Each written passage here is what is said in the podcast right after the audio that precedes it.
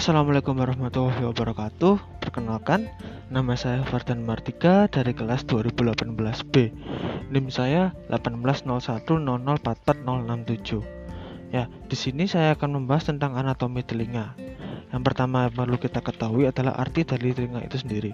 Telinga adalah salah satu panca indera manusia yang berfungsi untuk mendengar.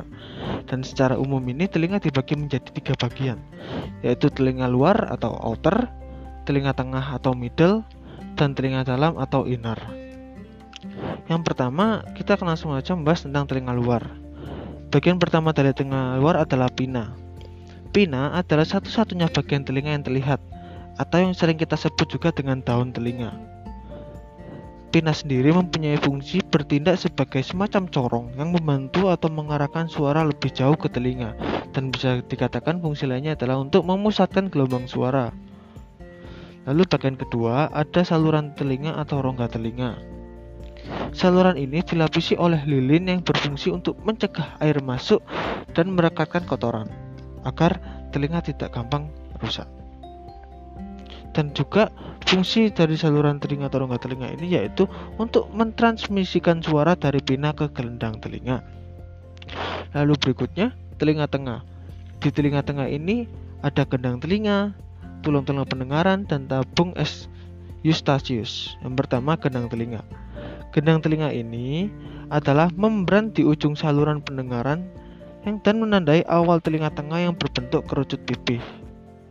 Fungsi dari gelendang telinga ini yaitu menghantarkan getaran suara dari udara menuju ke tulang pendengaran.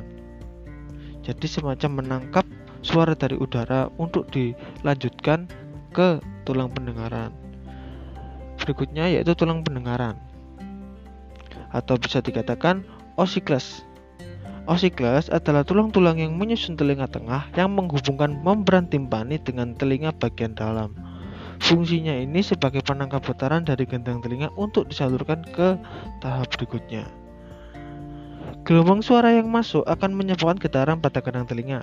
Selanjutnya, jari getaran akan dilanjutkan ke osikles yang akan memperkuat suara tersebut dan mentransmisikan suara dari membran timpani ke telinga bagian dalam.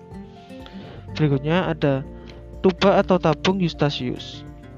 Tuba Eustachius ini mempunyai fungsi untuk membantu ventilasi telinga tengah dan menjaga tekanan udara yang sama di kedua sisi membran timpani.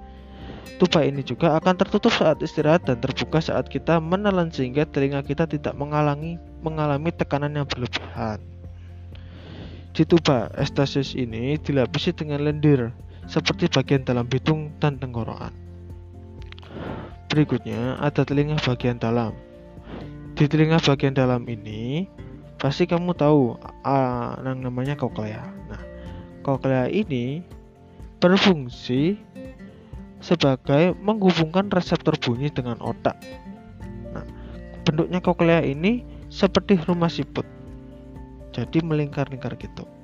Di koklea pula gelombang suara diubah menjadi impuls listrik yang dikirim ke otak. Otak kemudian menerjemahkan impuls ke dalam suara yang kita ketahui dan pahami. Lalu ada vestibular. Bagian penting lain dari telinga, bagian dalam yang mengatur keseimbangan. Vestibular ini terdiri dari utricle dan sacule, yaitu sel rambut yang menjaga keseimbangan posisi kepala terhadap gaya gravitasi. Mereka juga disebut sebagai reseptor gravitasi. Yang terakhir ada semikular Semikular adalah saluran setengah lingkaran yang terdiri dari tiga saluran berbeda, yaitu kanalis semisirkularis horizontal, yang kedua kanalis semisirkularis vertikal atas, dan kanalis semisirkularis vertikal belakang. Di mana pada masing-masing kanalis ini terdapat ampula. Ampula sendiri mempunyai fungsi yaitu mengatur keseimbangan dinamis yang menentukan kesadaran posisi kepala saat terjadi gerakan memutar itu tadi bagian-bagian dari anatomi telinga yang bisa saya jelaskan. Mungkin sampai di sini dulu. Sekian terima kasih. Wassalamualaikum warahmatullahi wabarakatuh.